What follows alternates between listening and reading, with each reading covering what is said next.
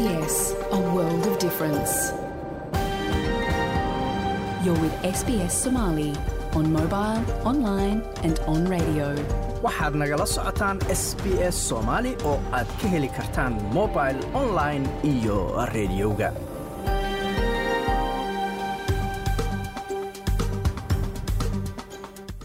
habeen wanaagsan dhammaantiinba meel kastoo aad naga dhegaysanaysaan waa lix iyo tobanka bisha maarso sanadka labada kun iyo labaiyo labaatanka. Halkaad nagala socotaana waa laanta af soomaaliga ah ee idaacadda s b s oo si toosa idinkaga imanaysa stuudiogaanu ku leenahay magaalada melbourne. Magacayguna waa xasan jaamac.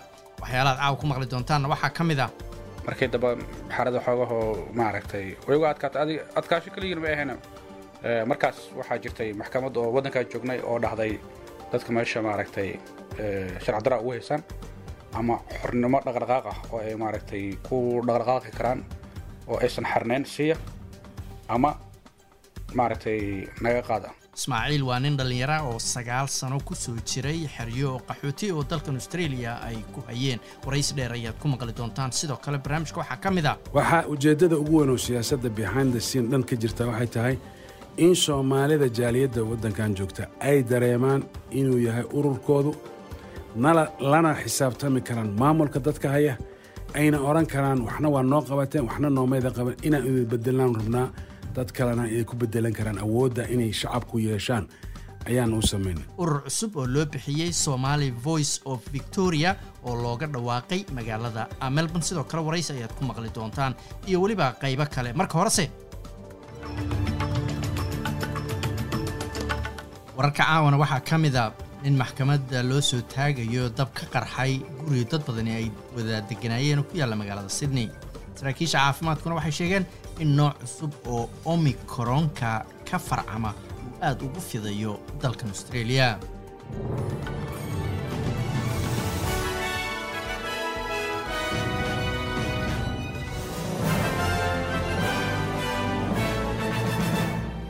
marka horese wasiirka gaashaandhigga dalkan australia peter dutton ayaa sheegay in duulaanka ruushka uu ku qaaday ukraine uu noqonayo mid uusan si fiican uga baaraan degin waa ruushkee oo keeniba kara in madaxweyne putin laftigiisa xilka laga qaado.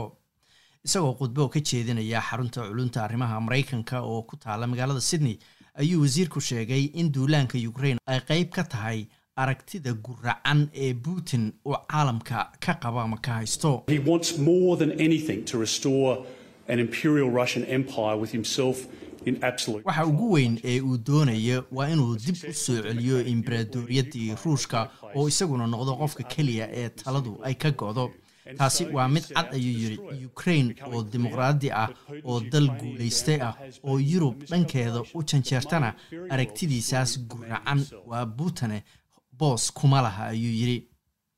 Marka waa inuu burburiyo ukraine. Waxaa soo caddaanaya in qamaarkii putin ee ukraine ayba dhici karto inay isaga laftiisa waa putine ay burburiso. Wasiirka gaashaandhigga ayaa sidoo kale sheegay inay dhici karto in australia ay wajahdo weeraro dheeraad ah oo dhanka internetka maadaama buu yidhi australia ay taageeraysa ukraine mr dutton ayaa sidoo kale saadaaliyey khilaaf kale oo u dhexeeya china iyo australia isagoo sheegay inay dhici karto in china ay u isticmaasho dagaalka ukraine fursad ay lafteedu falal gardaraysi ah ku fuliso ama ku kacdo. Scott morrison ayaa dhankiisa sheegay in australia aysan ka xijaabnayn saameynta xun ee dhanka dhaqaalaha ee dagaalka ukraine uu reebayo. Ra'iisul wasaaraha ayaa u sheegay rugta ganacsiga west australia in adduunku wajahayo qulquladii tamareed ee ugu weyneyd wixii ka dambeeyey toddobaatameeyadii dagaalka awgiis ayna dhici karto hoos u dhac ku yimaada kobaca dhaqaalaha adduunka taasi oo keeni karta qiimaha batroolka oo aad u sii kordha.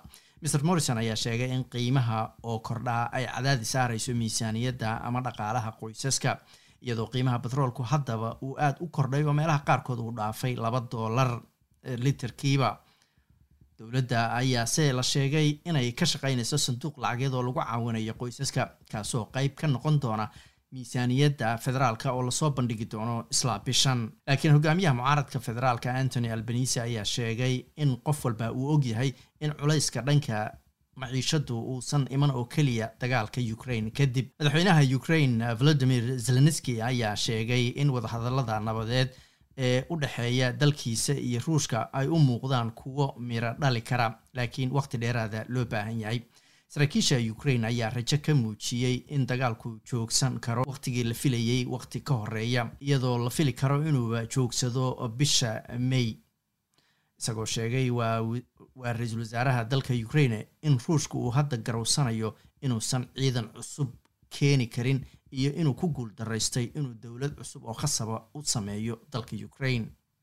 Mr selenski oo lagu wado inuu aqalka koongareeska ee maraykanka ka qudbeeyo khamiista oo beriya ayaa sheegay in dalkiisu aqbalayo ballanqaad amni si markaasi uu si rasmiya uga tanaasulo inuu qeyb ka noqdo nato ama xubin uu ka noqdo і працювати кожному на своєму місці, кожному, в тому числі нашим Everyone should work, including our representatives, our cid delegation. kasta oo ay ku jiraan buu yidhi wakiiladeenna wafdigeenna waa inay ka shaqeeyaan wadahadallada lala leeyahay ruushka waa mid adag laakiin waa mid lagama maarmaana dagaal kastana wuxuu ku dhammaadaa heshiis ayuu yidhi.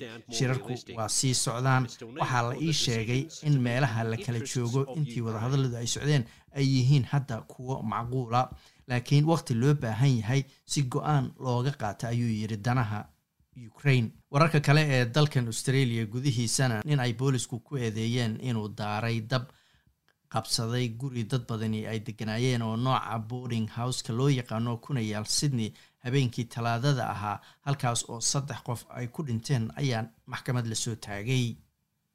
Ninkan oo afartan iyo shan jir ah oo la yidhaahdo richard hotran oo boolisku ay sheegeen inuu wax ka deganaa isla gurigaas waqtiga dabku dhacayay ayaa la horkeenay maxkamadda central local court ee magaalada sydney maanta oo arbacaa isagoo lagu soo oogay hal dacwo oo ah inuu hanti khasaare u geystay isagoo dab markaasi qabadsiiyey ninkan ayaa loo diiday in damaanad lagu sii daayo inkastoo uusan si rasmiya u codsan damaanadaasi.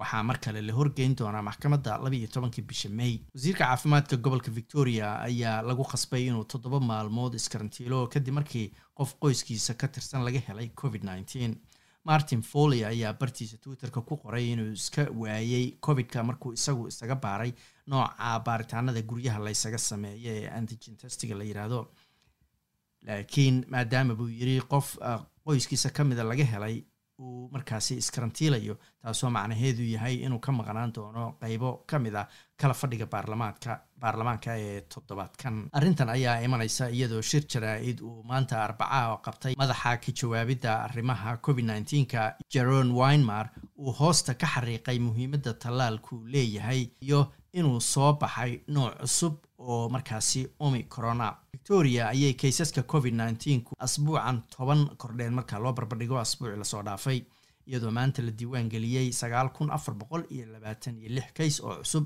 taasoo ah tirada ugu badnayd muddo shan asbuuca. Madaxa covid nneteen-ka jerome winemar ayaa sheegay in tallaalka saddexaad uu si fiican isaga caabiyo ama isaga difaaco nooca cusub oo uu sheegay inuu hadda dalka ku sii faafayo. Um, if we look at the, uh, the sequencing we're doing, we're now seeing BA2, the, the sublineage, in around half. of markaan fiirino baaritaanka nooca omicronka waxaanu aragnay in nooca ka sii BA2 farcama ee here, b a and we two-ga understand loo in other bixiyey uu across kala Australia bar as ka yahay baaritaanada aanu ku samaynayno bulaacadaha marka waxaan aragnaa inuu yahay nooc sii badanayo sii faafaya. mana aha mana aha victoria oo keliya waxa uu ku faafaya gobollada dalka australia oo dhan. waxaan filaynaa in korarkaasi uu sii socdo bishan iyo bisha soo socota ee abril. Marka waa lagama maarmaan ayuu yiri in qof kastaa si uu isu difaaco uu qaato tallaalka saddexaad. Victoria ma aha gobolka keliya ee kaysasku ay aada u sii kordhayaan. Gobolka new south wales waxaa maanta laga diiwaangeliyey soddon kun iyo afar boqol iyo laba kays oo cusub oo covid maanta oo arbaca laakiin wasaaradda caafimaadka oo gobolkaasi ayaa sheegtay in khaladaad dhanka macluumaadka ay keentay toban kun oo kays ay ahaayeen kuwii isniintii iyo kuwii axaddii tiradan cusubna hadda lagu daray. Waxaa sidoo kale laga diiwaangeliyey gobolka tasmania toddoba kun lix boqol iyo afartan afartan kays oo cusub halka a c t laga helay lix kun boqol iyo soddon lix dhanka kalena dowladda gobolka northern territory ayaa ku dhawaaqday inay xirayso xaruntan oo boqol iyo soddon iyo sagaal qof qaaday kuna taalay. Mercure hotelka la yiraahdo ayaa howlihiisa waxa uu joojinayaa baa layidhi kow iyo tobanka bisha may. Wasiiradda caafimaadka gobolkaasi natasha files ayaa sheegtay in covid nneteen-ku hadda uu ka duwan yahay kuwii hore aanu u aragnay south australiana ra'iisul wasaarihii hore ee dalkan australia john howard ayaa la arkay isagoo ka qeyb qaadanaya ololaha doorashada ee gobolkaasi isagoo u ololeynaya premierka gobolkaasi oo ka tirsan xisbiga liberaalka stephen marshall iyadoo gobolku maalinta sabtida ay dadku u dareeri doonaan goobaha codadka lagu bixinayo. Australiana waxaa aada u kordhay ayaa la yiri islaam nacaybka saddexdii sano ee ka dambeysay weeraradii argagixiso ee lagu qaaday masaajidkii magaalada christchurch ee dalka new zealand. Tan ayaa soo baxaysa kadib markii baaritaan shalay oo talaado ahayd oo bishu shan iyo toban ahayd ay soo saartay jaamacadda charles stud university iyo hay'ad markaasi u dooda dadka muslimiinta oo la yiraahdo australian muslim advocacy network. Taasoo markaasi falanqeysay baaritaanadaas ayaa lagu falanqeeyay baa layiri laba boqol iyo afartan iyo toddoba dhacdo oo qaarna dhanka online-ka ay ka dhaceen iyo kuwo fool ka fool ah. Warbixinta ayaa lagu ogaaday in dhacdooyinka intooda badan ay la xiriireen waxaa loo yaqaano hadallada nacaybka iyo weliba takoor. Haweenka muuqda oo dharka muslimka xiran ayaa u badnaabaa layidhi dadka lagu beegsaday markaasi hadalladaas nacaybka iyo takoorka iyadoo siddeetan iyo shan boqolkiiba dhacdooyinka la soo wariyey ay ku dhaceen haween xirna xijaabka. Saadaasha hawada berita oo khamiisa magaalada beeth xoogaa roobaba la filayaa shan iyo labaatan digrii bay gaaraysaa. Sidnana sidoo kale roobab ayaa la filayaa labaatan iyo lix digrii ayayna gaaraysaa. Halka australian dollarna maanta waxaa lagu sarifayay toddobaatan iyo laba senti oo lacagta maraykanka ah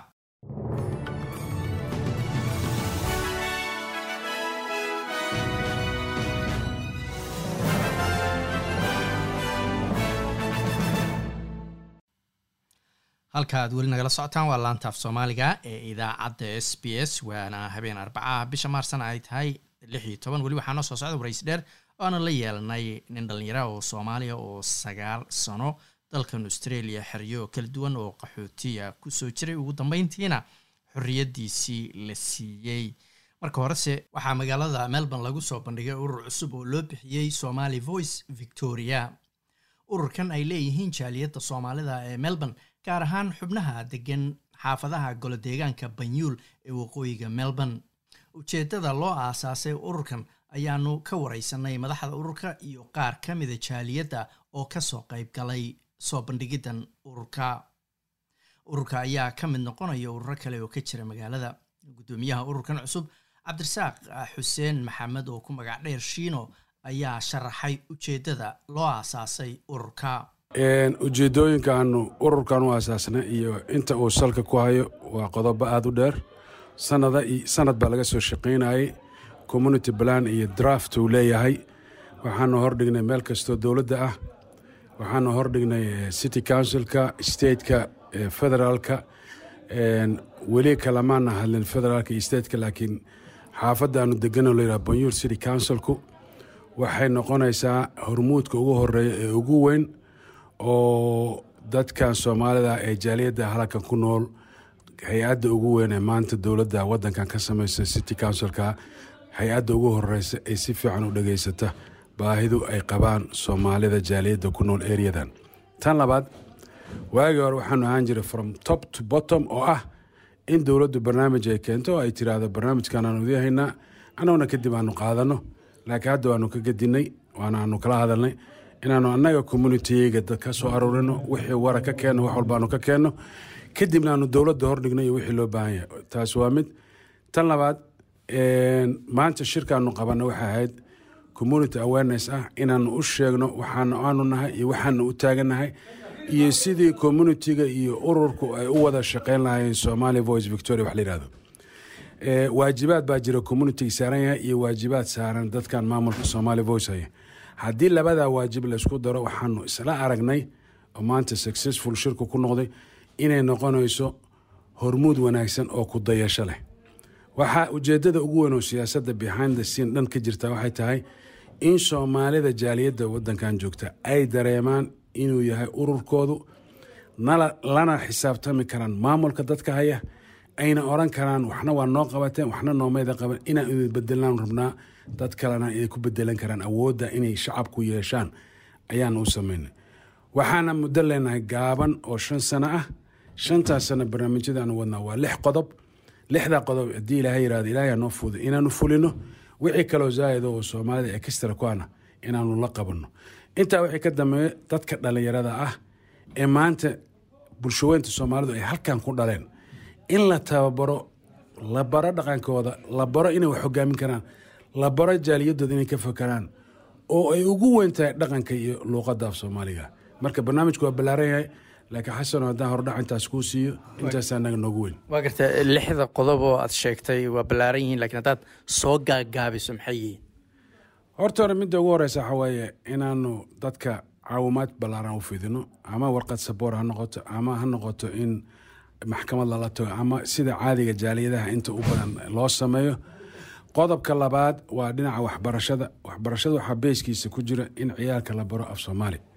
Af soomaali baristaasna in lagu bilaabo wiikendiga meesha qur'aankan looga dhigaayo annagoo musliman taa inkiri haddana inaanu ku darno in af soomaali la baro si ay beri u akhriyi karaan ama ay u qori karaan af soomaaliya whichis qeybta ugu weyn oo dhaqanka ah.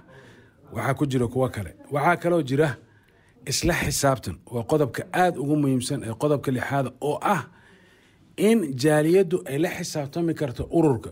Oo uusan ururkaasi noqon mid guddoomiyaha ama sekretariga intuu jaabka gashto shan iyo toban sano ama toban sano ama lix sano intuu la maqnaado. Maalinta meeloo ka bax la waayo jaaliyaddiis weydiiso tiraado wareedha maxaa dhacay? Maxaa dhacay? Waa inaanu mid cusub keenna? Kii hore nin baa gurigiisa la aaday. Kani noqon maayo? Kani waxaanu rajaynaynaa oo ilaahay ka baryanaa inaanu noqon oo uu noqdo mid shacabku ay yidhaahdaan annagu waxaan u baahannahay adeer waanu kaa maarana waanu ku bedelaynaa ama ay iska dhex arkaan si jaaliyadaas u noqdo sharciyaana la samaynayaa dadku ku kala leexdaan qodobaana la samaynayaa waxaanu maanta meesha ka dheefnayna oo noogu weynaana waxayd inay dadku diyaar u yihiin inay ka soo dhex muuqdaan somali voice victoria. Kow iyo labo labada arrimood ugu muhiimsan oo aad muhiimadda siinaysaan maxay yihiin bilowgaba? Muhiimadda ugu horeysa waxay tahay horta hore xasanow dadku inay iska dareemaan inay meesha ku dhex jiraan oo la xisaabtanka ah oo qodobka lixaad annaga noo ahaa inay dadku annaga nala xisaabtami karaan inay guddiyo noo soo saaraan. Shirkayaga labaad ee koob iyo labaatanka may maadaama ramadaan soo galay inuu shirkaasi yahay shirkii dadku iska soo saari lahaa guddiga. Guddiga samaysan oo register ku jiro agooni guddi jaaliyad soomaalida oo waayeelka aqoonyahanka ah dhallinyarada ah iyo haweenkaba sideedda qof inay dadku iyaga inta soo xushaan inay matalaan oo innaga nagu soo biiraan. Waa midda koowaad. Oo hadhow dadku inagu nagula xisaabtamayaan. Annaguna aanu u keenno wax alla wixii aanu haynay iyo wixii aanu helnay iyo waxaanu ka qabanayno iyo sida loo wajihi karo. Wadatashiga koowaad. Tan labaad qodobka labaad aada noogu muhiimsan waxay tahay dhaqanka ilaalintiisa ciyaalka waxbaristiisa luuqadda in la sameeyo waxoo dhan la sameeyo. Qodobka saddexaad xasana waxa weeye oo hadda aada noogu muhiimsan dhallinyarada shaqada. Shaqadu xaafadda anna waanu degannahay waxay bixiyaan labaatan shaqo oo dhallinyarada soomaalidu ay leeyihiin. Arrinkaas markaanu ka wada hadalnay waxay ogolaadeen inay noo keenaan maalinka bishan abril soo socota lixdeeda sidaan aanu u qeybsan lahayn ama ay noogala shaqayn lahaayeen in dhallinyaro soomaaliya laga shaqaalayso city councilka. Shaqadaa city councilka la siinayana dhallinyaradu waxay anfacaysaa inuu resumegiisa ku jiro warqad referencena loo qoro wixii aqoontiisa uu soo bartay hay'ad lamida in loogu kambeyn gareeyo oo uu ka mid noqdo dadkaas ummadda ilaahay ka shaqeynaya. Tan labaadaanu anagu dadkan dowladda kula hadalnay shayga ugu muhiimsan waxaa dadka iyagu soddonka sanaanu wadanka joognay waxaa la dhahaya immigrant people. When we gonna be goormaynu noqonaynaa integration people onu dadka dhexgelina soddon sana waxaanu ku haya immigrant people we have to change that oonu ka dhignaa integration people. Qodobkaasna aada noogu muhiimsan waana ku tala jirnaa waana ku soconnaa haddii ilaah yiraahdo walaalayaalow soomaaliyanu nahay dhibaatooyin badan baa jira mushkilada badan baa jira. Anagu waxaanu ballan qaadanaa as somaali voice cid walbaaba iridda inay furan tahay. Hadduu ka yimaado westig hadduu south ka yimaado hadduu brisbane ka yimaado hadduu sydney ka yimaado waxaas inaanu la qabano wax wixii uu tabanayo. Tan labaad waxaan ku daraya waxaweeye maadaama aan guddoomiyaha on behalf of somali voice waxaan leeyahay dulaal ma nihin.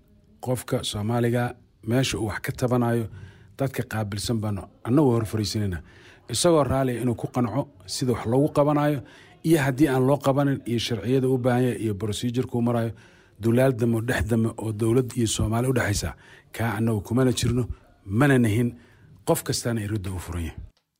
Kaasina waxa uu ahaa cabdirasaaq xuseen maxamed oo loo yaqaano shiino oo madax u ah urur cusub oo loo bixiyey somali voice victoria oo looga dhawaaqay xaafadaha waqooyi ee magaalada melbourne. Iyadoo dalkan australia in ka badan sagaashan iyo shan boqolkiiba ay qaateen labada tallaaloo hore ayaa hadda waxaa socda dadaalo lagu doonayo in dadku ay ku qaataan tallaalka saddexaad ee boosterka loo yaqaano waxaa sidoo kale taa garab socda dadaalo kale oo lagu doonayo in carruurta da-dooda u dhexayso shan ilaa kow iyo toban sano markaasi la tallaalo.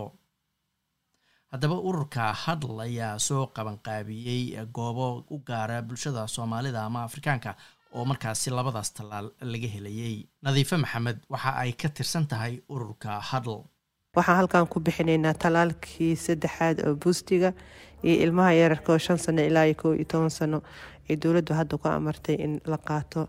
Marka qof walba oo communitiga ah waxaan tal ahaan ku siinaynaa inay buustiga ay qaataan. Haddii ay rabaan anagu ma dhahayno ilaa ilaa qaata oo qasabun kaga dhigayno. Laakiin iyaga caafimaadkooda qof walba isaga caafimaadkiisa mas'uul ka ah inuu dantiisa uu ka fekero iyo caafimaadkiisa iyo communitiga caafimaadkooda dhammaan. Mas'uuliyadda waxay saaran tahay qofka marka waxaan rajeyneynaa in laga wada faa-iideysto barnaamijka. Garta tallaalka meelo badan baa laga qaataa dadku dhakhtarkooda ay u tegi karaan cisbitaalada laga qaataa xarumaha meelahan oo kale marka maxay uga duwan yihiin? Waxay uga duwan yihiin special communitigeena inayna longi q ayna gelinin inayna meel kale u safrinin iyaga oo helahayo meel communitigoodii dadkii ah iyaga matalaya intay u soo abaabuleen u keeneen meel u dhow maalin sabti ah long hours from nine to three o'clock. Ay available u tahay. Fududeyn aan u fududeynayno qofka maalintaas ka faa-iideysanaya intuu tegi lahaa local dhaktarkiisa iyo appointment dheer loo qaban lahaa. Imisaa wadaysaan marka maanta miyay ku egtaa keliya maanta kow waa inoo tahay markii koowaad. Horena waa u sameynay laba gooro hore haddii loo baahdanana mar kaleet waa soo celinaynaa laakiin codsiga communitiga inuu ka yimaado baan markaaneed ku salaynaynaa haddii ilaah yiraahdo mahad warsame isna waxa uu ka tirsan yahay hay'adda hadl barnaamijkan waxaa soo abaabulay hadal iyo windham city council ayaa ka wada shaqeynayay iyo western health. Ujeedadana waxay tahay dadkeena in loo soo dhoweeyo arrimaha vaccinationka oo muhiim ah.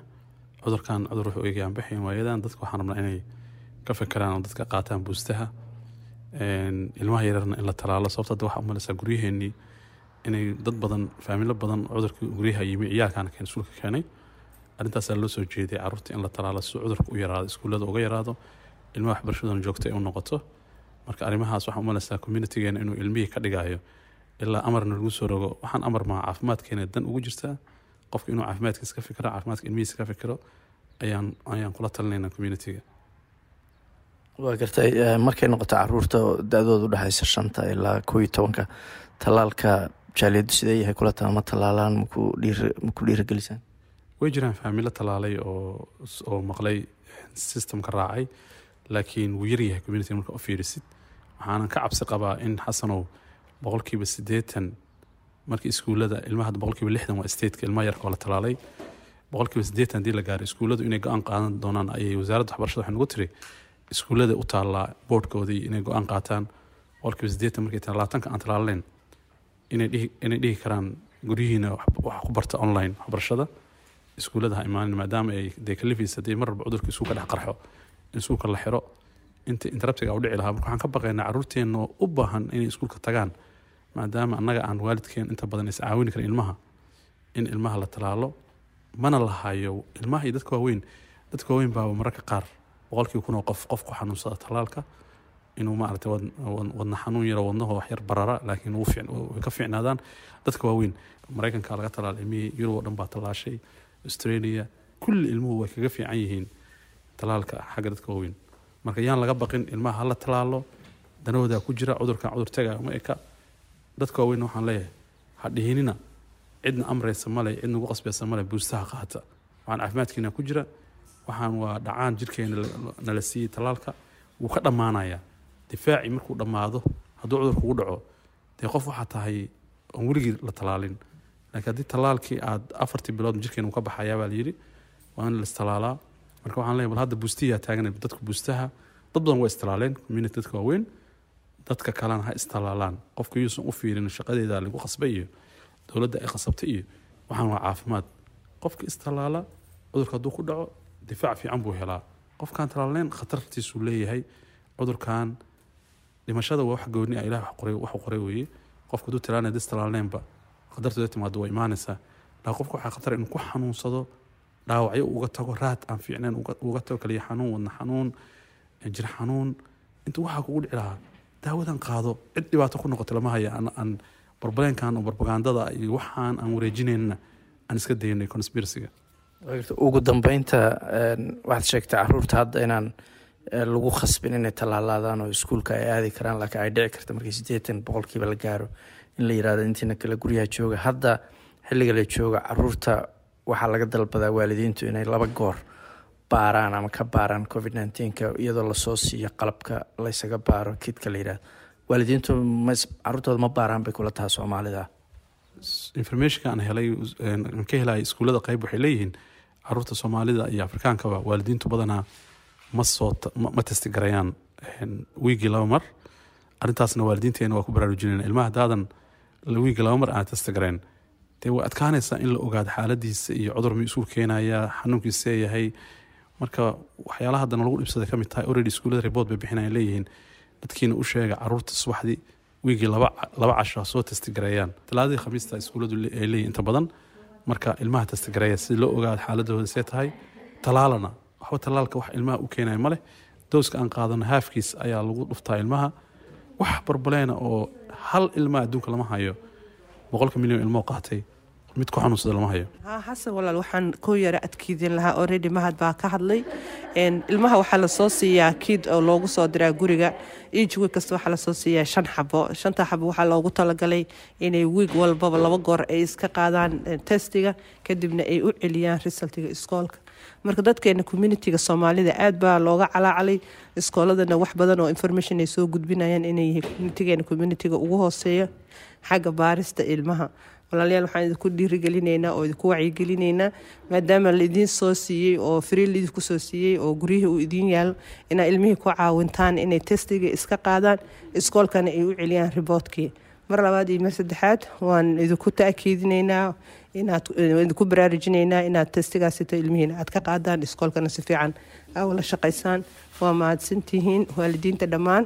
Taasina waxay ahayd nadiife maxamed horena waxaad u maqlayseen mahad warsame oo labaduba ka tirsan hay'adda hadl halkaad weli nagala socotaan waa laanta af soomaaliga ee idaacadda s b s oo idinkaga imanayso stuudioga ku yaalla magaalada melbourne. Wararka madaxdiisiina caawa waxaa ugu waaweynaa wasiir gaashaandhigga dalkan australia peter dutton oo sheegay in duulaankii ruushku ku qaaday ukraine uu ahaa mid uusan ku sii xisaabtamin madaxweynaha ruushku valadimir putin oo markaasi ay dhici karta ayuu yiri isla madaxweynaha laftigiisaba inuu galaafto ra'isul wasaare scott morrison waxa uu sheegay in dhaqaale xumada adduunka wajahaysa oo ka dhalatay dagaalka ukraine australiana ay saameyneyso gaar ahaan maciishada iyo weliba qoysaska ayuu yiri. Dalkan australia iyadoo la filayo in dhowaan la soo bandhigo miisaaniyaddii dalka waa dowladda federaalka ah. Weli waxaa noo soo socdaa warbixintii uu noo soo diray waryahaga magaalada muqdisho oo ku aadan arrimaha doorashada soomaaliya. Marka horese waddankan australia waxaa looga dhawaaqay labadii kun iyo saddex iyo tobankii in qof kasta oo ku soo gala doon uusan weligiis deganaansho ka heli doonin dalkan australia. Taas ayaa sababtay in dadkii soo galay wakhtigaas iyo wixii ka dambeeyey ay sannado badan ku jireen xeryaha dibadda ee nauru iyo manus island. Qaar badan oo dadkaas ka mid ah waxaa mar dambe caafimaad loo keenay dalkan australia balse mustaqbalkoodu ma cadda ismaaciil xuseen. Waa nin dhallinyaraha oo soomaaliya oo sagaal sana muddo ah australia xeryahaasi ugu xirnaa isagoo labadii sano u dambeysay ku sugnaa hoteello ku yaalla magaaladan melbourne. Ismaaciil ayaa ugu dambayntii xorriyaddiisii helay toddobaadkan inkastoo mustaqbalkiisu iyo halka uu ku dambayn doono aysan weli kala caddayn. Waraysi s b s ay ka qaaday ismaaciil xuseen ayaa sidan ku bilowday. Waxaanu soo galnay labada kun iyo saddex iyo tobankii. Marka waa waqtigii doomaha inta ugu badan ay soo galayeen. Soo galatay markaan soo galaynina dee waddankan iyo sharciyadiisi waxa isbedelay war kamaanan hayn.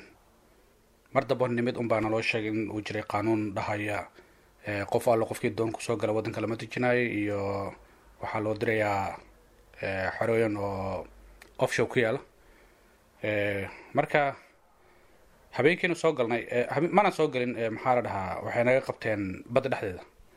Bay nooga hor yimideen. Intaan doonta saarannahay yaa markabkii neefiga maaragtay dhinaceena yimid.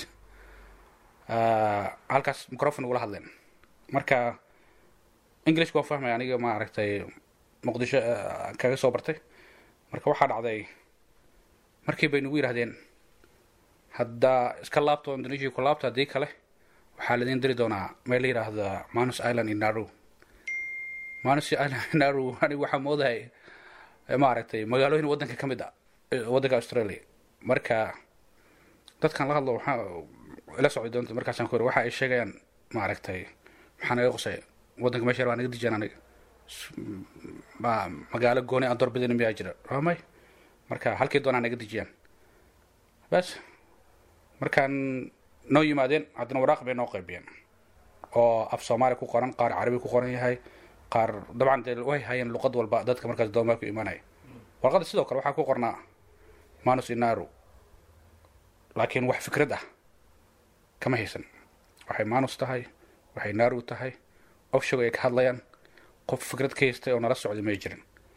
Marka wayna soo dejiyeen waxaynu nimid magaalada la dhaho darwin darwin baan joognay.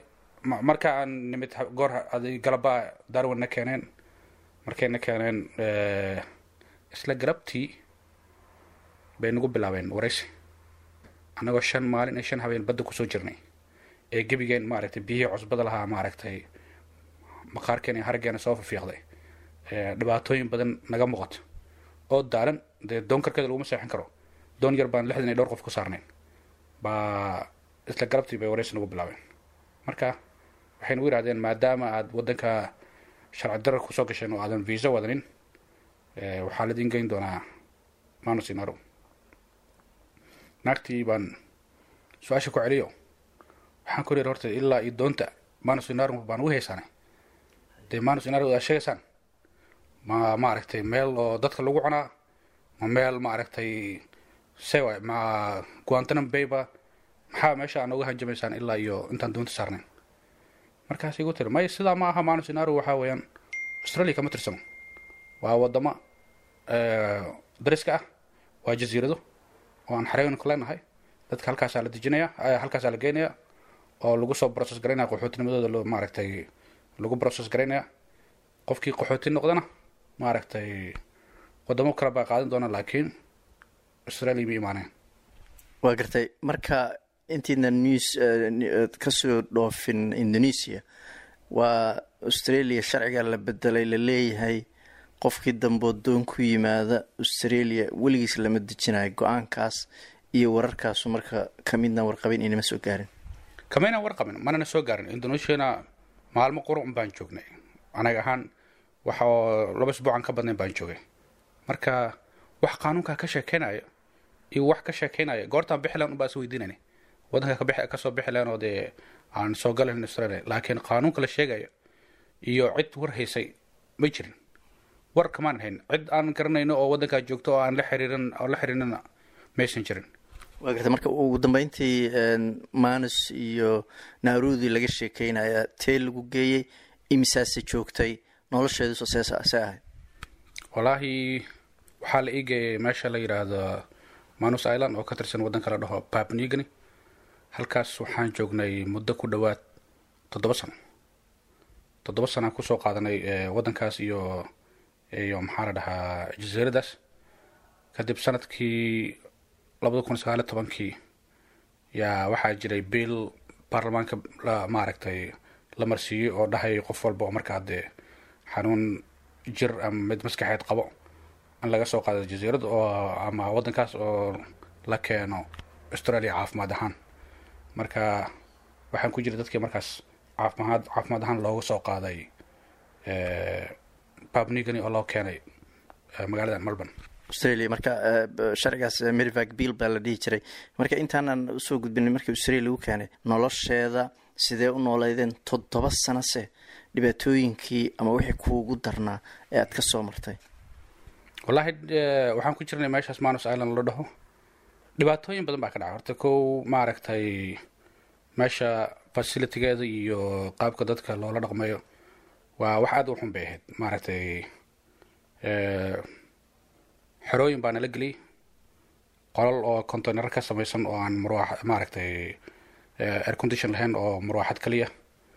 Jasiiraddana waa meel aada u kulal oo mar walba dee inuu roob da'ayo mooye marka kale temperaturekeeda soddon degree ka badan waay marka qolal qaar waxay ka samaysnaayeen teentooyin teendho oo lagu seexanayo ilaa iyo soddon qof hal qol keliya sariiro isdul saar ah oo qofka dhinacaaga jiifo uu kuu jira wax ka yar hal mitr hal mitr mee wuxuu kuu jiraa weli wax ka yar boqol centimeter naftiina is soo gaaraysa.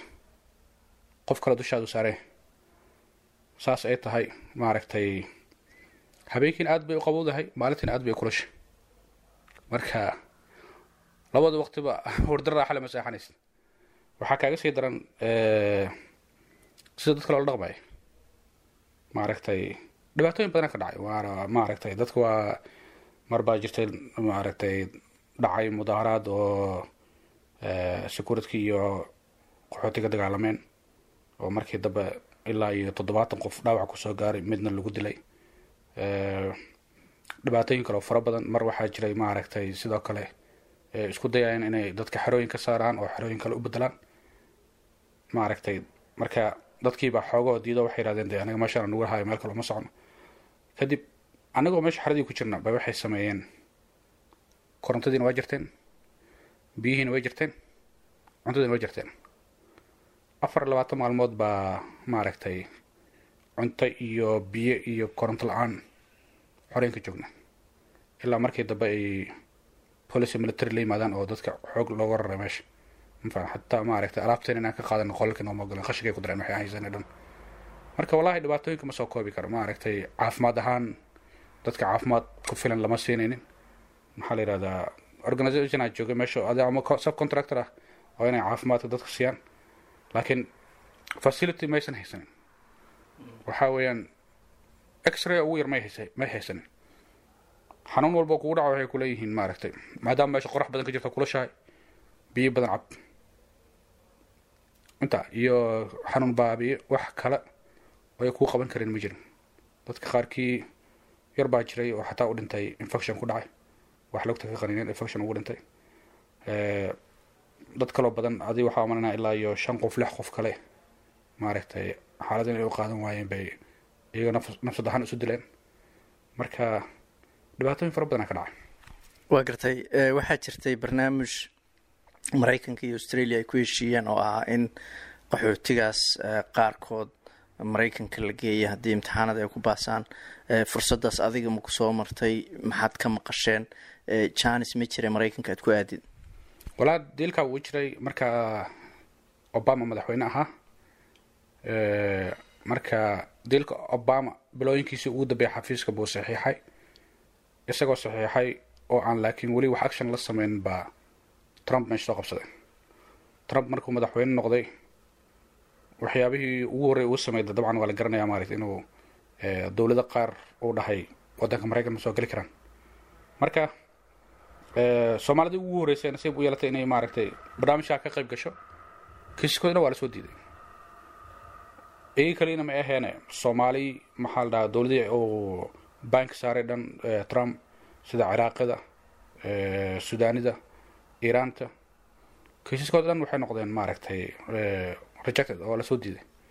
Marka laakiin sida afghaanidoo kale bakistaanidoo kale maaragtay waa la qaadanaya marka fursadda anaga kulli waana soo gaartay laakiin markaa aragnay soomaalida ugu horreysay inaan maaragtay banka saaran darteed kiisaskooda loo diiday. Soomaalida intay soo hartay de marka waxay yihahdeen maaragtay maxaan ka maraynaa mar haddiiba natiijada sidaa noqonaysa. Marka kama qayb qaadan anagoo badan. Waa gartay barnaamijkii aad ka soo hadasho medivac biilka ahaa oo dadka ku xanuunsada xeryaas qaxootiga loo keenay caafimaad ahaan australia dadka intooda badan waxay aaminayaan in qofkii oo xanuunsan oo ama dhakhtar loo waayey ama facilitigii uu rabay waayey sidaas australia loogu soo qaaday. Laakiin adigu marka lagu soo qaadayo kaamaba qasnaynoo waad shaqaysanaysaa guda wallaahi sidaan kuu sheegay marka saddex sano oo ka mid a baan ku qaatay xarada. Markii damba xarada xoogahoo maaragtay waygu adkaatay. Adkaasho kaligiin ma ahayna markaas waxaa jirtay maxkamad oo waddankaa joognay oo dhahday dadka meesha maaragtay sharci daraa ugu haysaan ama xornimo dhaqdhaqaaq ah oo ay maaragtay ku dhaqdhaqaaqi karaan oo aysan xarnayn siiya ama maaragtay naga qaada. Marka waxay noo ogolaadeen markaa wixii ka dambeeyay inaan waddankaas oo baabnigana meesha harabna ka mari karno. Kadib dadkii aniga maaragtay dadka horta boqol kiiba sagaashan markii sidaa la dhahay way diideen inay xoreyn ka soo baxaan waayo maaragtay horta waddankana waddan iska khatar badan oo waddamada wuxuu ku jiraa ugu khatarta badan xagga nolosha. Marka dadka intooda badan waxay idhahdeen iskuma aaminayna inaan maaragtay banaanka u baxno oo ama waddankaa dhex galno.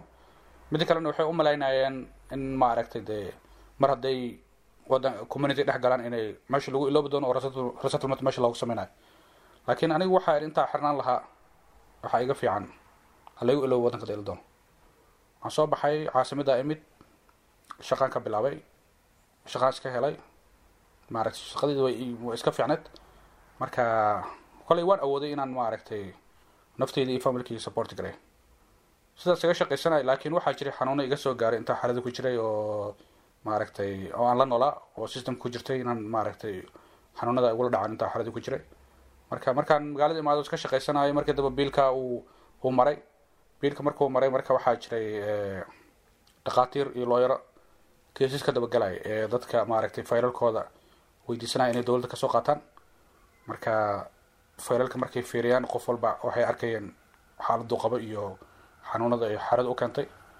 Marka faylkaygii iyagaa dabagalay oo dee waxay ku riyaadeen ninkan maaragtay xanuunadan muuse qaban idinka ku riday caafimaadaan u baahanya waa in la soo qaadaa marka sidaa darteed ugu yimaadeen waxay yirahdeen caafimaad baa lagu qaadaya markii hore xoogaho waan ka maaragtay ka yaro shakiyo maaragtay waxaa sare xarey ku wadaan. Laakiin markay igu soo laabtay dhowr mar baan markii dambe ogolaaday inaan caafimaad u imaado.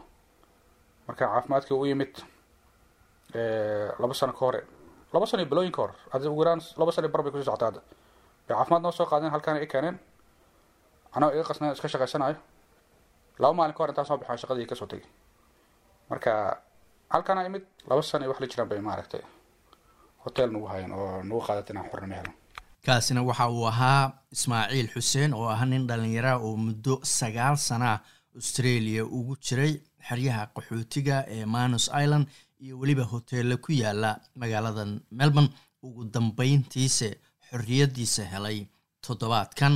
Haddana waa warbixintii uu noo soo diray waryahayaga magaalada muqdisho shan iyo tobanka bisha maaj ayay ahayd markii lagu ballamay in la soo gebagabeeyo doorashada golaha shacabka ee baarlamaanka federaalk soomaaliya kadib markii muddo kordhin loo sameeyey shan iyo labaatanka bishii hore ee februari taa oo ahayd wakhtigii loogu talagalay in lagu soo gebagabeeyo doorashada. Ilaa iyo iminka waxaa si rasmiya doorashada u soo gebagabeeyey maamulada galmudug iyo koonfur galbeed. Maamulka koonfur galbeed ayaa noqday maamul goboleedkii ugu horeeyey ee soo gebagabeeya doorashada xubnaha golaha shacabka oo lagu ballamay in si rasmiya loo dhammaystiro shan iyo tobanka bishan maaj oo shalay ku aadanayd guddiga doorashada. Maamul goboleedka koonfur galbeed ayaana shalay qabtay kuraastii ugu dambeysay ee doorashadooda la qabtay. Kuraastii ugu dambeysay ee koonfur galbeed ay qabteen ayaa kala ah. Eber afartan iyo toddoba boqol labaiyo toddobaatan kursiga boqol afar iyo lixdan kursiga boqol toddobiyo sagaashan laba boqol iyo afar boqol koob iyo siddeetan iyo sidoo kale kursiga boqol sagaal iyo toddobaatan. Inkastoo mid ka mid ah kuraastan sax ahaanshihiisii ay muran ka keeneen guddiga doorashada heer federaal xubnaha ku soo baxay doorashadii ugu dambeysay ee koonfur galbeed ayaa kale ah. Xaawo sokor cali oo ku guulaysatay kursiga tirsigiisu yahay eber afartan iyo toddoba genaraal mahad cabdiraxmaan aadan oo ku guulaystay kursiga tirsigiisu yahay boqol labayo toddobaatan maxamed abuukar cabdi oo ku guulaystay kursiga tirsigiisu yahay boqol afariyo toddobaatan cumar cali balash oo ku guulaystay kursiga tirsigiisu yahay boqol sagaal iyo toddobaatan iyo isxaaq cali subag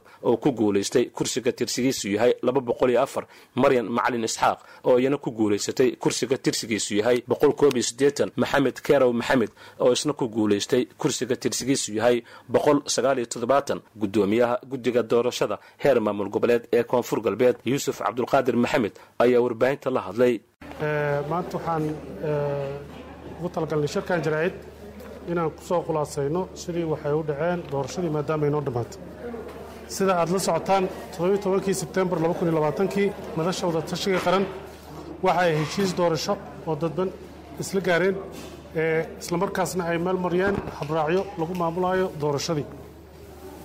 Heshiisyadii sebtembar iyo habraacyadeedii oo heerar kala duwan soo kala maray ayaa waxay maanta taagan tahay inaan soo gebagabayno maanta ay maarch tahay maarcho inaan soo gebagabayno kii kursi iyo sideedii maaragtay sare oo taale koonfur galbeed. Maanta aan u gebagabaysannahay koonfur galbeed waxaa taallay kursi oo ku mid ay tahay aqalka hoose sideed kursina ay ahayd aqalka sare. Waxaa loo madlaa maaragta loo qaybiyey laba qaybo deegaan doorasho oo ay kale ahayd baraawe iyo baydhabo.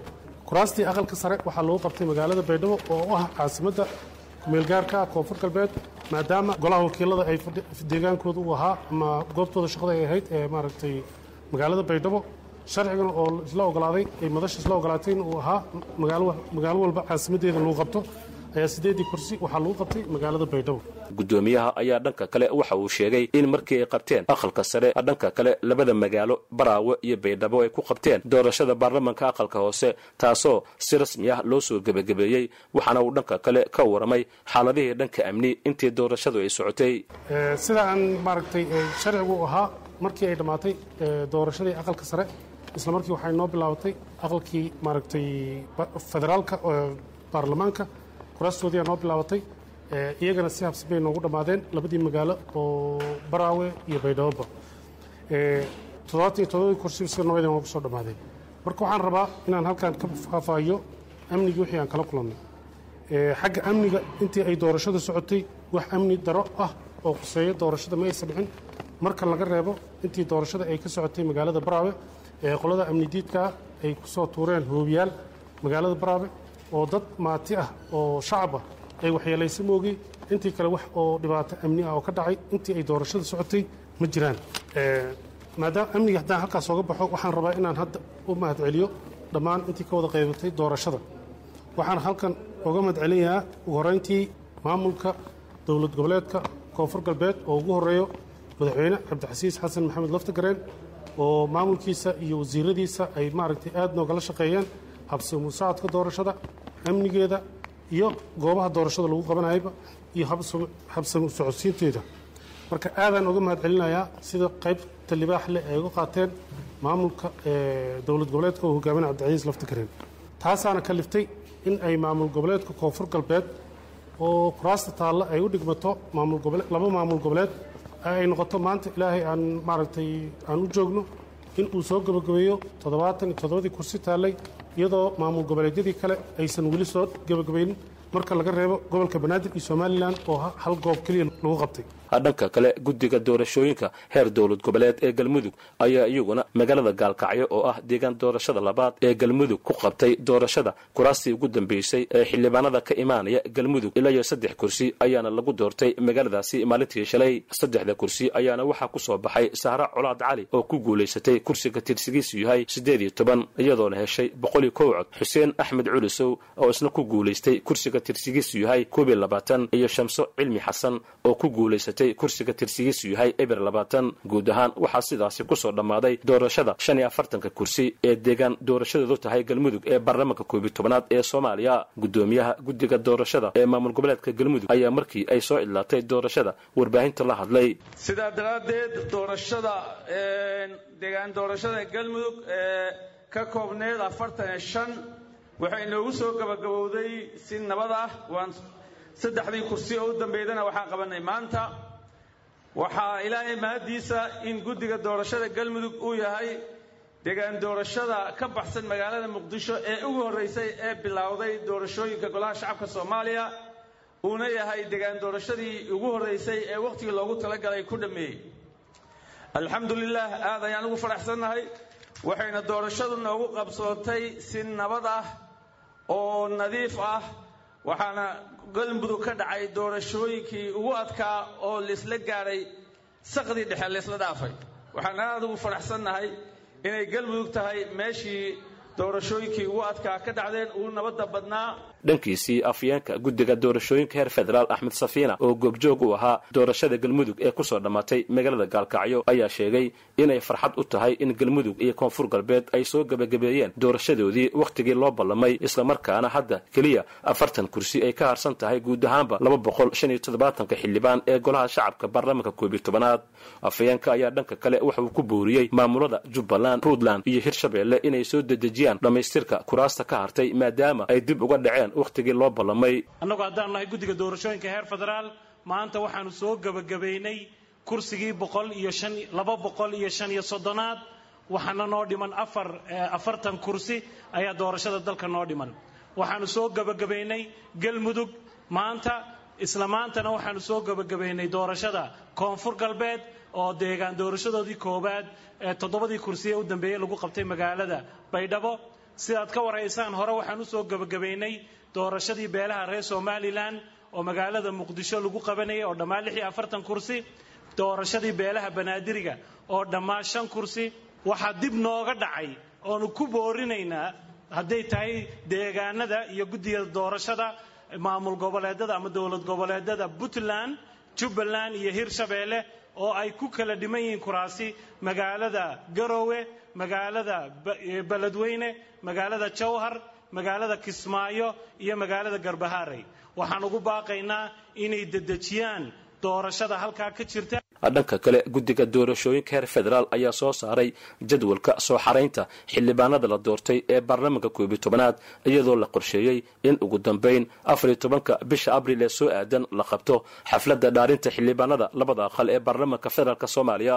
Sida ku cad jadwalkan lix iyo tobanka bishan oo maanta ku aadan ilaa iyo saddex iyo labaatanka bishan ayaa la qorsheeyey in la soo ururiyo dukumentiyada xildhibaanada labada aqal ee baarlamaanka federaalk iyadoo afar iyo labaatanka ilaa iyo sagaal labaatanka bishana la qorsheeyey in la hubiyo dukumentiyadaasi inta u dhexaysa koob iyo soddonka bisha maarso ilaa iyo afarta bisha soo aadan ee abril ayaa la qorsheeyey in la shaaciyo natiijada rasmiga ah ee doorashooyinkii baarlamanka iyo in la xareeyo dhammaanba xildhibaanada labada aqal shanta bisha abril ilaa iyo tobanka bishaasi ayaa sidoo kale la qorsheeyey in shahaadada xildhibaanada la siiyo dhammaanba xubnaha la doortay ee labada aqal koob iyo tobanka bisha abril ayaa la qorsheeyey sidoo kale inay dhacdo wareejinta galalka macluumaadka xildhibaanada labada aqal iyadoo ugu dambayntii afar iyo tobanka bisha abril ee soo aadan xafiiska ra'iisul wasaaruhu uu qaban doono sida la sheegay xafladda dhaarinta xildhibaanada labada aqal ee baarlamaanka koob iyo tobanaad ee soomaaliya. Halkaad weli nagala socotaan waa laanta af soomaaliga ee idaacadda s b s idaacaddii caawana. Intaas ayaan ku soo gebagabaynaynaa waa aniga oo ah xasan jaamac oo inila intaas iyo nabadgelyo SBS is Australia's most trusted multilingual broadcaster. Our listeners are loyal, highly engaged, and have supported countless local businesses. We offer advertising packages for businesses of all sizes. Our experienced sales team will guide you through the process of owning a great campaign. Bring your own ad or have our production team make you something in one of our 68 languages.